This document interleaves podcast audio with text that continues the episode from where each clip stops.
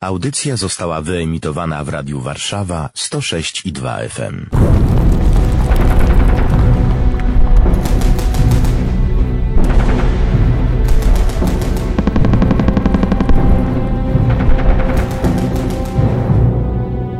Warszawa pamięta!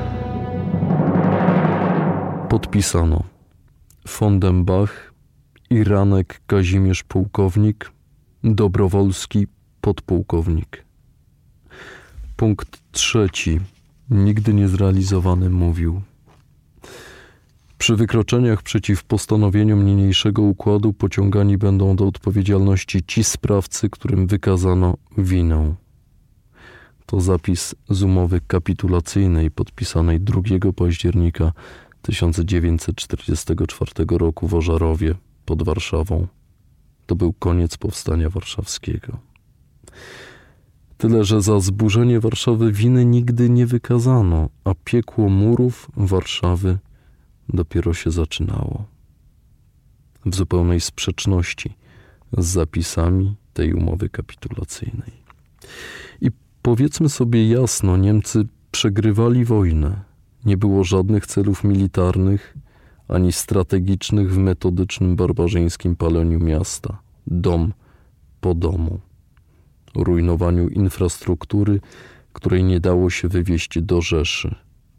To były igrzyska zagłady i to była zemsta. Grudzień 1944 roku. Plac Hitlera w Warszawie. Plac Piłsudskiego. W opustoszałym mieście w centralnym punkcie placu stoi pomnik księcia Józefa Poniatowskiego. Na nim tabliczka po niemiecku nie wysadzać. Ale ta niewielkich rozmiarów tabliczka, utrwalona na jednej z fotografii, nie ocaliła książęcego monumentu. Został rozerwany na strzępy, podobnie jak w grudniu tego samego roku pałace Saski i Bryla. I tylko ta centralna część grobu nieznanego żołnierza w arkadach Pałacu Saskiego nie wiadomo w jakich okolicznościach przetrwała. Zwracam się już po raz ostatni w tym cyklu, to jest 63. spotkanie, do doktora Bartosza Łukaszewskiego, socjologa, badacza powstania warszawskiego.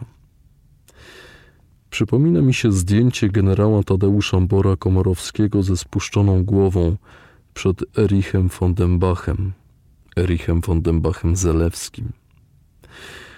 Jak odnosząc się do tego zdjęcia, dokonać podsumowania 63 dni walki o Warszawę? Z całą dramaturgią, którą może próbowaliśmy wykazać, ale tak naprawdę nawet się o nią nie otarliśmy, bo próba wszelkich wyobrażeń tamtych dni nigdy nam się nie powiedzie. Panie doktorze. Panie redaktorze, metodyczne wypalanie i wyburzenie miasta z zemsty miało zredukować do zera możliwość również realizowania takich audycji po wielu, wielu latach, jak cykl Warszawa Pamięta. Kiedy mówimy o tym zdjęciu, najprawdopodobniej taki, a nie inny charakter wynika po części po prostu z czynników osobowościowych, ale o kwestiach kadrowych rozmawiać nie będziemy. Jak jednak kadry powstańcze podchodziły do kapitulacji. Pamiętajmy, że w tle pozostaje rozkaz Himmlera, który był wykonywany z gorliwością i germańską skrupulatnością. W powstaniu zginął jeden na trzech uczestniczących żołnierzy, ale nie straty typowo militarne są w tym kontekście najbardziej przytłaczające. Straty niemieckie były przecież potężne. Z Warszawy i okolic wysiedlono 650 tysięcy osób, a około 150 tysięcy warszawiaków trafiło do obozów koncentracyjnych i wszelkich miejsc pracy przymusowej. Społeczna tkanka miasta zmieniła się bezpowrotnie.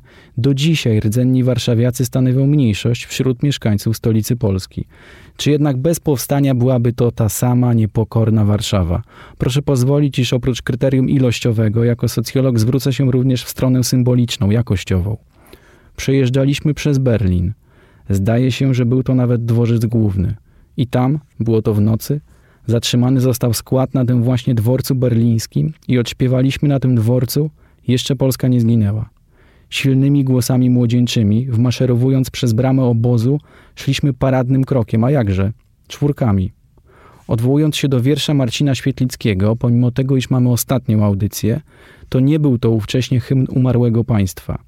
Jerzy Michalak, mieszkaniec przedwojennej Woli, wspominał: Trafiliśmy później pod gorszą okupację, bo nie było wiadomo, kto jest kim.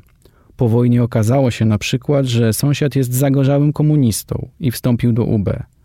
Do UB i został szefem UB na powiat grujecki i nieciekawie się tam zasłużył, nikogo później nie znał, bardzo był ważny i miał dużo brzydkich postępków, morderstwa, śledztwa, prześladowania. I był to rok 46, kiedy został zgładzony przez resztki Armii Krajowej. Także długo się nie nacieszył.